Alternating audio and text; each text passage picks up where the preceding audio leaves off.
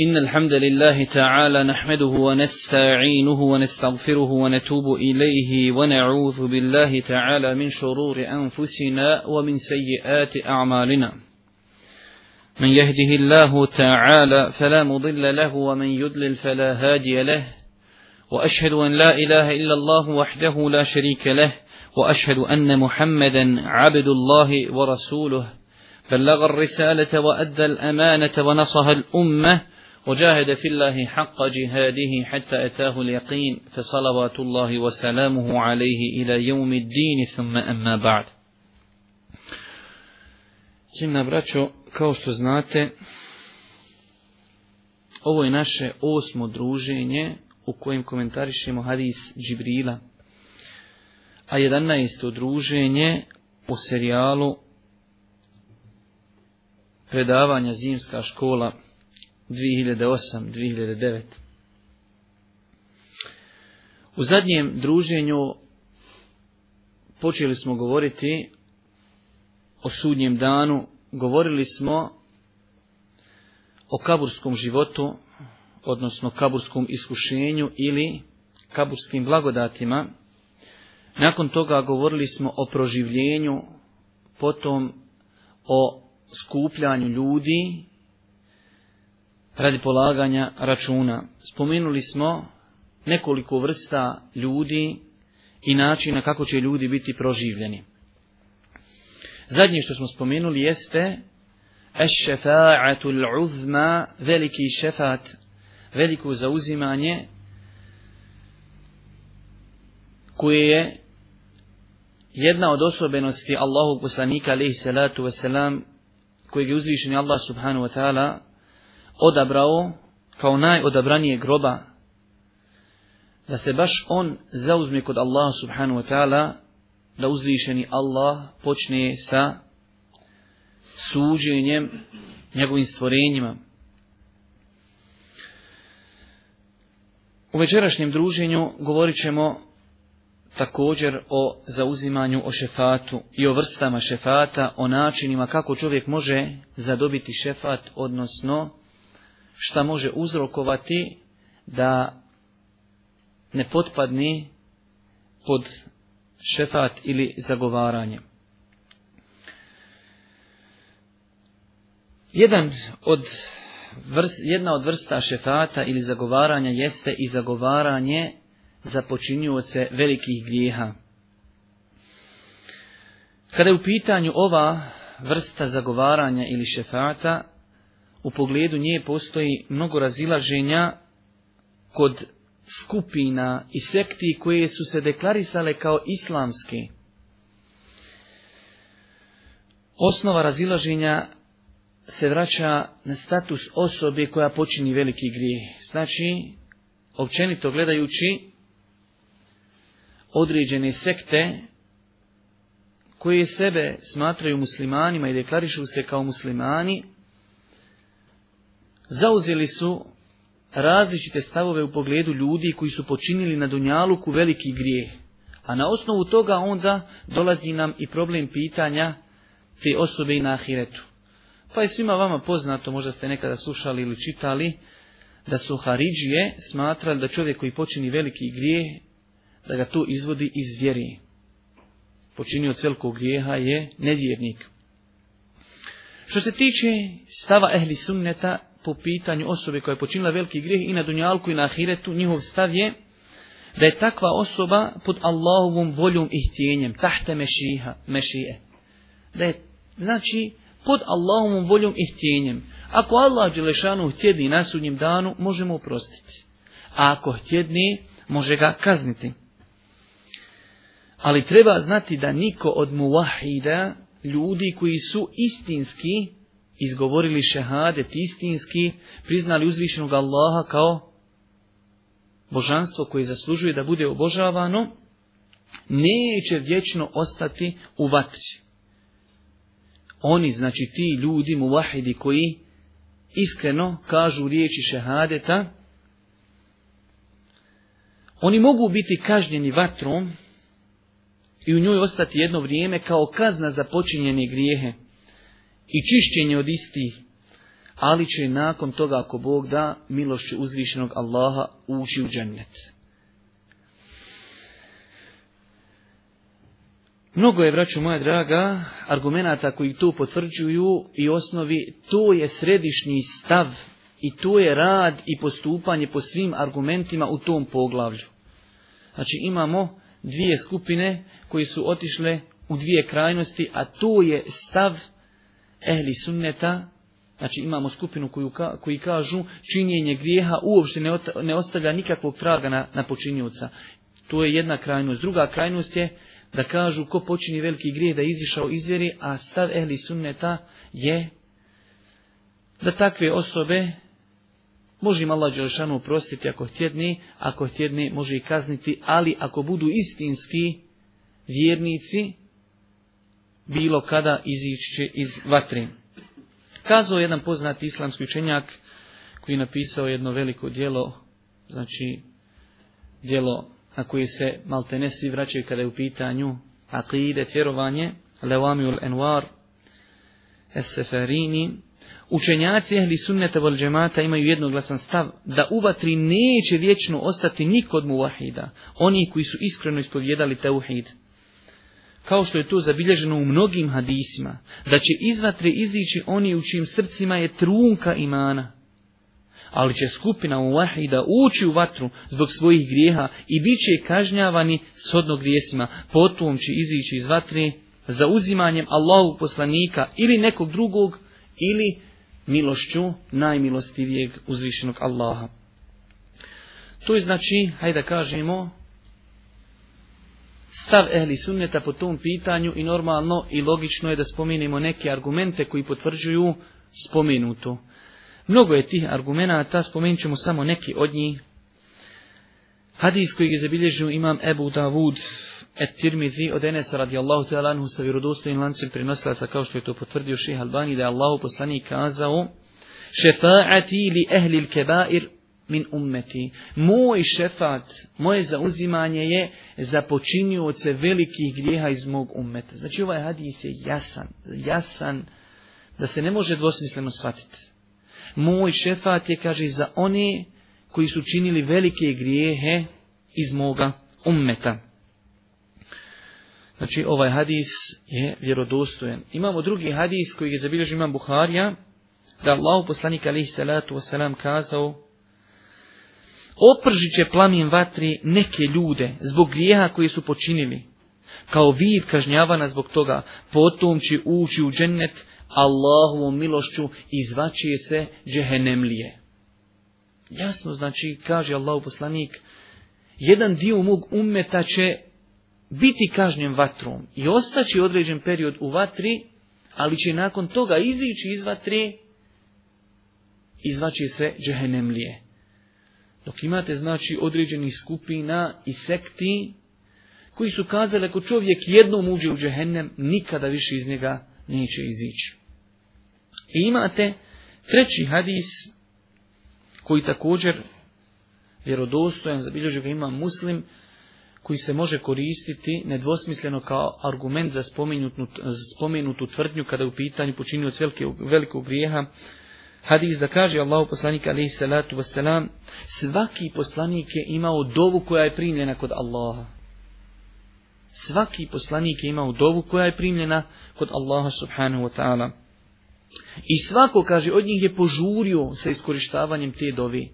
A ja sam svoju, kaže, dovu ostavio za sudnji dan.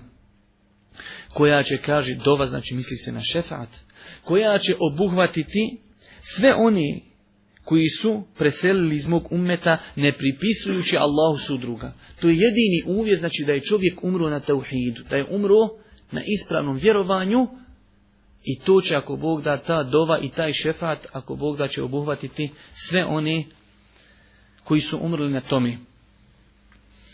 Znači, bitno je znati, iako ne treba ta pitanja mnogo forsirati, pošto velik broj ljudi o tome malo zna, ali je lijepo, zato i kažemo da su ovo predavanja edukativnog karaktera i lijepo je da čovjek poznaje i osnove i malo više od osnova.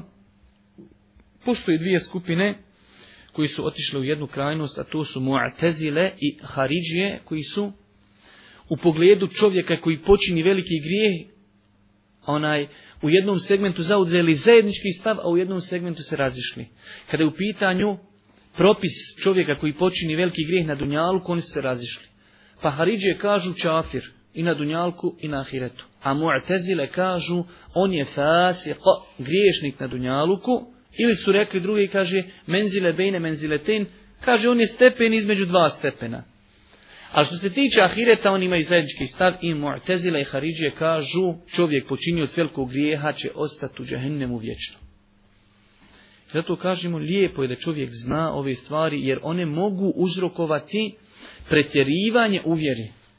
Jer čovjek znači ako kreni tim stopama i sutra kogod počini veliki grijeh čafir i ostaješ već u vatri. I tako to onda onaj može biti pogubno za čovjeka. Imamo također u pogledu šefata općenito zalutalu i zabludjelu sektora Filbija ili poznati kod nas kao šije, koji su također otišli u jednu drugu krajnost, koji su negirali šefat u svakom pogledu i potvrdili su samo postojanje šefata za porodicu Allahu poslanika Ehlul Bejt. I normalno da bi tu svoju onaj tvrdnju potkrijepili, izmislili su mnoge hadise. Također, od vrsta šefa'a, šefata ili zauzimanja koji bi trebao da poznaje čovjek vjernik i koji mogu ako Bog da onaj inspirisati čovjeka, moralisati da pokuša da bude u jednoj od tih skupina jeste i da će se Allah poslanik alaihi salatu wasalam zauzimati za svoj ummet nakon što mu uzvišeni Allah obećao da će iz ummeta 70.000 ljudi ući u džennet bez polaganja računa, Allah poslanik se zauzimao da mu poveća taj broj. Znači imamo vjerodostojne hadise koji su bilježi u Buhari muslimu da će iz ovog ummeta ući u džennet 70.000 ljudi bez polaganja računa. Pa nam je Allah poslanik objasnio ko su oni, mi smo nekada o tome govorili malo opširnije. Pa je Allahu poslanik tražio od svoga gospodara zijadu, višak. Pa imate dvije različite predaje. Imate predaju da je na svaku hiljedu dobio 70 hiljada. A imate opet vjerodostojne predaje da je na svaku osobu od tih 70 hiljada dobio opet 70 hiljada. To su vjerodostojne predaje. Kaže Allahu poslanik alejhi salatu vesselam u hadisu, znači, što vjerodostojno se potvrdio ših Albani, u'titu sebe'ine elfe. Dobio sam od gospodara svoga obećanja da će uvesti u džennet 70.000 ljudi iz mog ummeta bez polaganja računa. Njihova lica su, kaže, kao lica, njihova lica su kao mjesec u noći uštapa, znači 15. noć u mjesecu. Njihova srca su, kaže, kao srce jednog čovjeka, pa sam tražio od gospodara da poveća taj broj, znači zauzimao sam se šefa'a činio, kaže pa mi je gospodar dao na svakog pojedinca još 70.000. To je znači vjerodostojan hadis.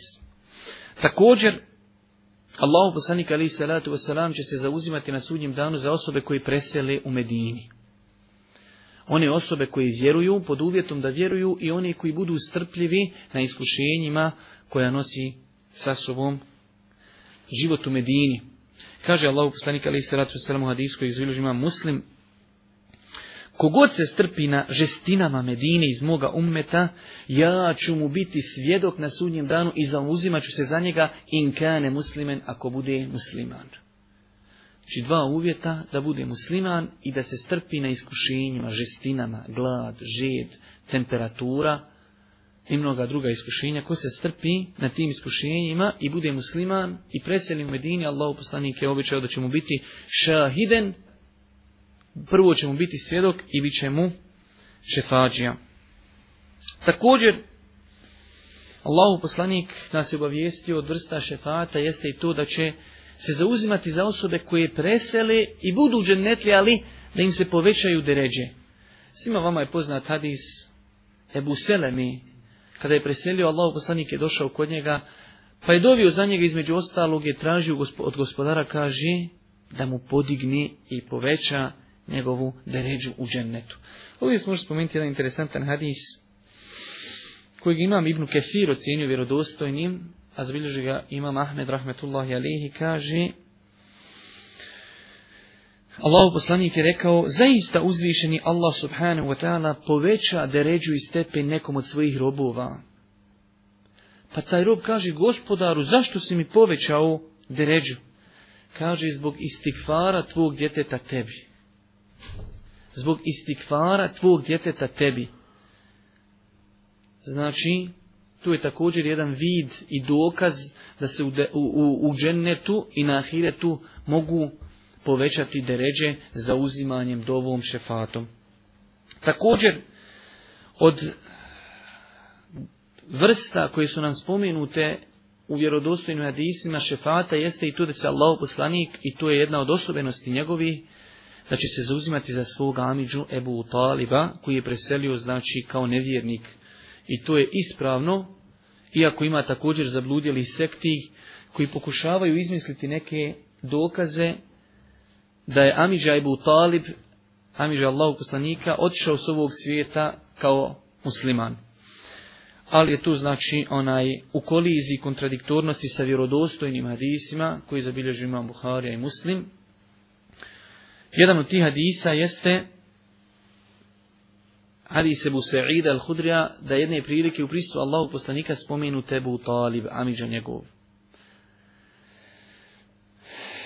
Pa kaže Allahu poslanik alaihi salatu wasalam, vjerovatno će mu koristiti moje zauzimanje na sudnjem danu, on će, kaže, mojim zauzimanjem biti kao plod toga stavljen u vatru džehennema koja će dosezati do njegovih članaka, a od njih će mu ključati mozak. Imate znači druge hadise vjerodostojne, mi smo o njima govorili opširno kada smo govorili jedan potpun vers gdje smo govorili o koristima, poukama i porukama smrti Ebu Taliba. Jedna od predaja jeste, kaže, on će misliti da je to najžešća kazna na ahiretu, a u osnovi to je najblaža kazna na ahiretu, da će biti u nanulama ili u obući koja će dosizati do njegovih člana kao dva, tri, a od toga će mu ključati mozak. Također, kada govorimo o šefatu, interesantno je spomenuti neka dijela čim činjenjem čovjek može zaslužiti šefaat ili zauzimanje Allahog poslanika, alihi salatu wasalam,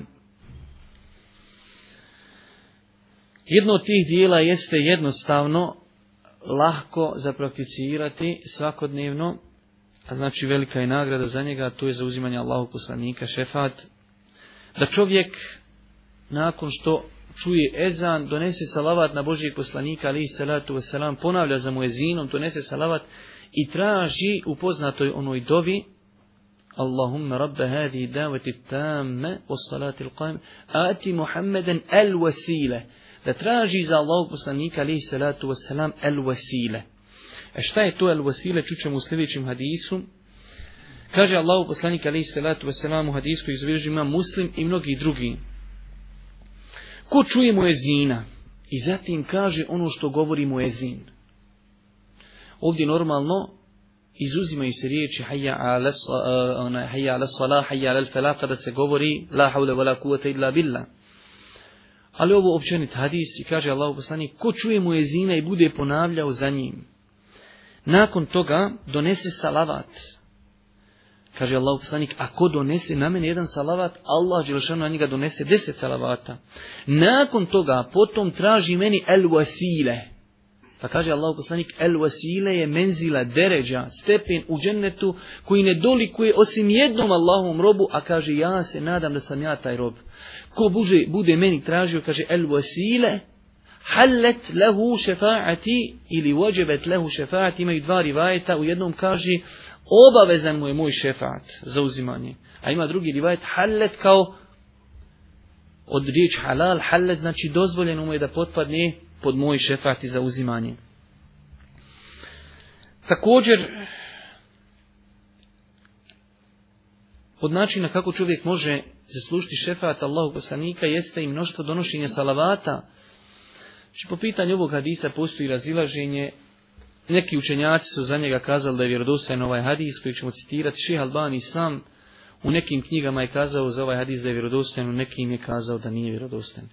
Hadis da Allah poslanik rekao, ko donese na mene kada osvani deset salavata i ko to učini kada omrkni, donese deset salavata na Allah poslanika, edraketu šefaati jeumel qiyame, dostignuće ga moj šefat, znači obuhvatit će ga moj šefat na sudnjem danu. Također,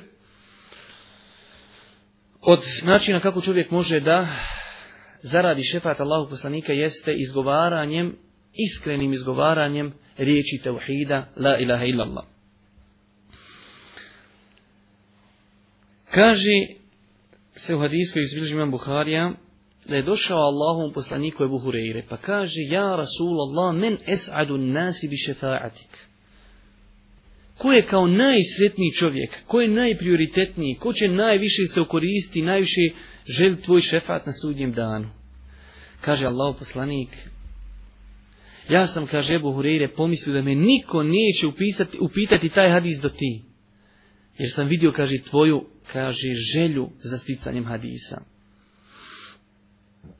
Kaže, es'adu nasi bi šefa'ati, najsretniji ljudi mojim šefatom na sudnjem danu, jesu oni koji kažu la ilaha illa Allah, halisan min kalbihi, iskreno iz njihovog srca.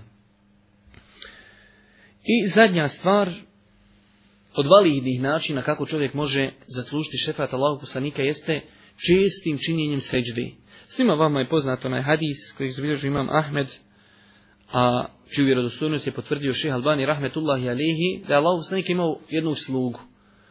Pa dosta puta mu Allahu poslanik kaže, imaš li kakvu potrebu? A on je uvijek odbio da kaže, jednog dana mu je došao i kaže, Allahu poslanik, imam potrebu da se zauzmiš za mene na sudnjem danu, da činiš šefat za mene. Pa imate raznih predaja da Allah poslanik kaže imaš li šta drugo, kaže ništa osim to. Imaš li ko ti je to kazao? Pa i tako između ostalog na kraju kaže Allah poslanik E'inni ala nefsike bi kefratil suđud Pomozi meni u tome sa mnoštvom seđdi. Pomozi meni u tome da se ja zagovaram za tebe na sudnjem danu sa mnoštvom seđdi. Što znači mnoštvo seđdi je put da čovjek zaradi i zasluži šefat Allahu poslanika na sudnjem danu. Ovdje smatram isto interesantnim spomenuti onaj da postoji mnogo načina koji su spomenuti u knjigama, a za te načine postoji validni dokazi i nekada ti načini su kod ljudi više poznati nego oni načini koji smo mi spomenuli sa validnim dokazima. Ja sam nedavno bio na jednom mjestu kod jednog čovjeka i u kući velika slika je ovako isto Medina i hadis kaligrafijom ispisan. Velik broj ljudi ne zna šta piše na toj slici. I taj hadis koji je apokrifan. Vezuje se znači za način posljedana šefata, to je posjeta kabura Allahu poslanika. Znači zapamtite jedno generalno pravilo od danas ako Bog da do sudnjeg dana. Ne postoji validan dokaz da postoji posebna nagrada za, posjeta, za posjetu kabura Allahu poslanika. Znači postoji hadisi za namaz obavljen u džami Božih poslanika. Ali za posjetu kabura ne postoji validan dokaz. E sad u tom poglavlju postoji hadis više, možda desetak različitih rivajeta, jedan sam ja probrao koji nakon najprostranjeniji, da kaže Allah, kao pripisuje se to Arabi Allahom poslaniku, Men zara kabri, vođebet lehu šefaati, ko posjeti moj kabur, obavezan mu je moj šefat. Ovaj hadis je apokrifan, a njega vidjet ćete kad ovako budete gdje gledali Medinu slike, ako bude na sred toga ispisana neka kaligrafija, velik broj to ljudi ne zna ni pročitati, ali tu piše ovaj hadis. Men zara kabri, vođebet lehu šefaati, ko posjeti moj kabur, obavezan mu je moj šefat. A piše, rekao je poslanik, sve tu kaligrafiji piše. Ovaj hadis šeha Albani za njega kaže da je hadis apokrifan. A šehu Islam ibn Taymi rahmetullahi alihi u svojoj jednoj poznatoj knjizi El Qaidatul Jalije kaže zaista su svi hadisi koji govori o vrijednosti posjeti kabura Allahu poslanika slabi baif i ne mogu se koristiti kao validni argumenti u vjeri. Znači svi hadisi koji govori o vrijednosti posjeti kabura Allahu poslanika su laifi. Sutra kad neko očić na hađu ili čuješ nekog hađiju ili neko u nekoj knjizi ko posjeti kabur to i to, nema. Znači, veliki hadijski eksperti su te hadise ocijenili ili žestoko slabim ili apokrifnim. Još ćemo večeras, ako Bog da spomenuti, onaj, i time ćemo mi, da ne bi dužili, onaj, spomenuti još neke vrste šefata, ovo što smo govorili, znači bilo je ve, e, otprilike vezano za Allahu poslanika, onaj, vrste šefata. Imamo, braću moja draga, više vrsta šefata za uzimanja Jedna od tih vrsta, odnosno to su tri vrste spomenute u jednom argumentu za uzimanje meleka, za uzimanje vjerovjesnika, poslanika i za uzimanje mu'mina.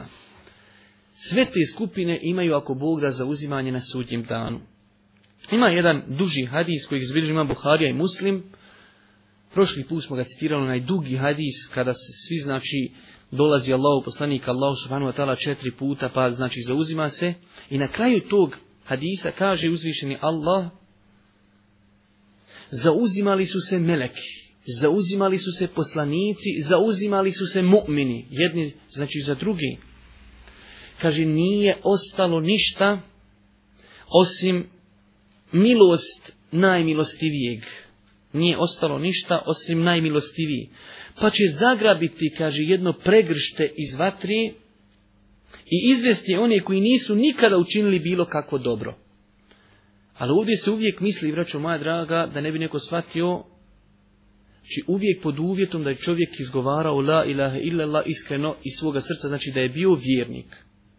Ali eto, nije nikada uradio nikakvo dobro, na kraju znači zadnja skupina koja iziđe iz džehennema, a kazali smo šta znači jedna sekunda u džehennemu, da neko ne shvati sad to, hajde malo izgoriti u džehennemu je toga. Jedna sekunda u džehennemu, samo jedno zamakanje i izlazak, najbogatiji čovjek, kao što je došlo u vjerodostojnom hadisu, koji je pro, prošao sve na Dunjaluku, kaže, kada ga dovedu u džehennem i samo ga zamoći i izvade ga. Kažu, jesi li ikada osjetio išta fino, kaže, gospodaru, nikad ništa. Na Dunjalku imao najkaži bogatiji čovjek na Dunjalku i zaradi džehennem. Sve što je imao na Dunjalku, što je htio, mogu imati. Samo jedno zamakanje u džehennem i izlazak sve zaboravio. Zbog žestini. To kad se kaže ostaće neko u džehennemu, to nemojte misliti da su to lake stvari. Pa uđe na kraju u džennet. Da Allah nas sačuva. Zato kaže, znači Allah je na kraju, kada izvede Boži poslanik svojim šefaatom i zauzimanjem sve oni koji su pa ide pa trun imana u srcu, na kraju kaže Allah Đelšanu svojom milošću će izvesti ljude koji nisu nikako dobro uradili, ali bili su vjernici. Pazite, ne može ovdje uvjet ovaj mora biti. Ali pogledajte hadi, početak hadisa ili ovog isječka, kaže Allah Žešan, zauzimali su se vjerovjesnici, zauzimali su se meleki, zauzimali su se mu'mini. Svi su gotovo, nema više. Onda tek dolazi Arhamur Rahimin, najmilostiviji. Pogledajte ovaj hadis, subhanallah, zabilježi imam hakim, i on ga je hakim ga ocjenio vjerodostojno, a potvrdio je njegovu ocjenu i imam Ezehebi. Kaže, kada se okupi stanovnici vatri u vatri, sa njima će biti neki koji Allah odredio, koji su bili na dunjalku muslimani. Pazite ovaj hadis. Znači, vatra u vatri, okupili se nevjernici koji su totalno, znači deklarisali se ko nevjernici, i neko od mu'mina, vjernika, odnosno muslimana, ali zaslužili su džehennem. On će ako Bog da izić, ali sekundarno su sa nevjernicima. A pogledajte se, i, i u vatri nevjernici ne ostavljaju vjernike. Kaže, pa će im reći nevjernici, zar niste bili, kaže, vi muslimani, kao što ćete sa sa nam ovdje, zar niste vi, vi trebate neđe ići u živo, i ste govorili da ćete uživati. Kaže, jesmo. Kaže on njima, šta vam je pomogao vaš islam? Vi ste s nama u vatri. Reći će muslimani, mi smo počinili neke grijehe pa smo kažnjeni zbog njih. Mi smo počinili grijehe pa smo kažnjeni zbog toga. Kaže, ima raznih predaja, ima predaja, znači u pasivu, a ima i predaja, Kaže, pa će Allah čuti taj razgovor. Pa će narediti da se muslimani izvedu iz džehennema. Kada to vide nevjernici, reći će, kamo sreći da smo i mi bili muslimani, pa da budemo izvedeni kao i oni. Potom je, kaže, poslanik Ali salatu Veselam, proučio prve ajete iz sure El Hijr, gdje kaže, uzvišeni Allah, Elif lam ra, tilke ajatul kitabi wa Kur'anim mubin, rubema je vaddu allazine kefaru lau kanu muslimin, Elif lam ra, ovo su ajeti knjige Kur'ana jasnog, zažali će nevjernici često što nisu postali muslimani. Na kraju tog hadisa Allah poslanik citira te kuranske ajete iz sure El Hijr, prva tri ajeta ili prva dva ajeta. Rubema je vaddu levine keferu law kanu muslimin. Često će zažaliti nevjernici zašto nisu bili muslimani. Ovaj hadis kazali smo zabilježio ga je imam Hakim i potvrdio njegovu vjerodostojnost. Također imam Ezehebi rahmetullahi alihi. Većina mu fesira znači smatra onaj ovaj hadis spominje u komentaru ovih ajeta. Imamo također od vrsta zauzimanja i zauzimanje onih koji su dali svoj život na Allahovom subhanahu wa ta'ala putu, a to su šehidi. Od Allahove milosti i počasti prema šehidima jeste i to što će se šehidi, oni koji su poginuli u borbi na Allahovom putu, da bi Allahova riječ bila gornja, moći će se zauzimati na sudnjem danu za 70 članova svoje familije. Mnogo je argumenta koji to potvrđuju. Interesantan jedan hadis koji izbilježi imam Ebu Davud. Kaže, ušli su neki ljudi kod Umu Derda, imate asab koji se zvao Ebu Derda i njegova žena Umu Derda, otac Derdau i majka Derdaova. Pa su neki ljudi jetimi, znači čiji otac je vjerovatno poginuo u džihadu, došli kod Umu Derda, majke Derdaove, pa im ona kaže, evširu, radujte se, blago vama. Kaže, ja sam čula Ebu Derda, ja sam čula svoga muža, Ebu Derdu, da kaže čuo sam Allahu poslanika ali salatu wasalam, da kaže yashfa'u shahidu fi 70 min ahli baytihi shahid će se zauzimati za 70 članova svoje porodice. Svima vama je poznato na hadisi, on je bio snimljeni po kasetama i predavanjima i lahijama. Hadis koji zabilži imame Tirmizi sa vjerodostojnim lancem prenosilaca, da Allah subhanahu wa ta'ala je odlikovao šehida sa šest stvari.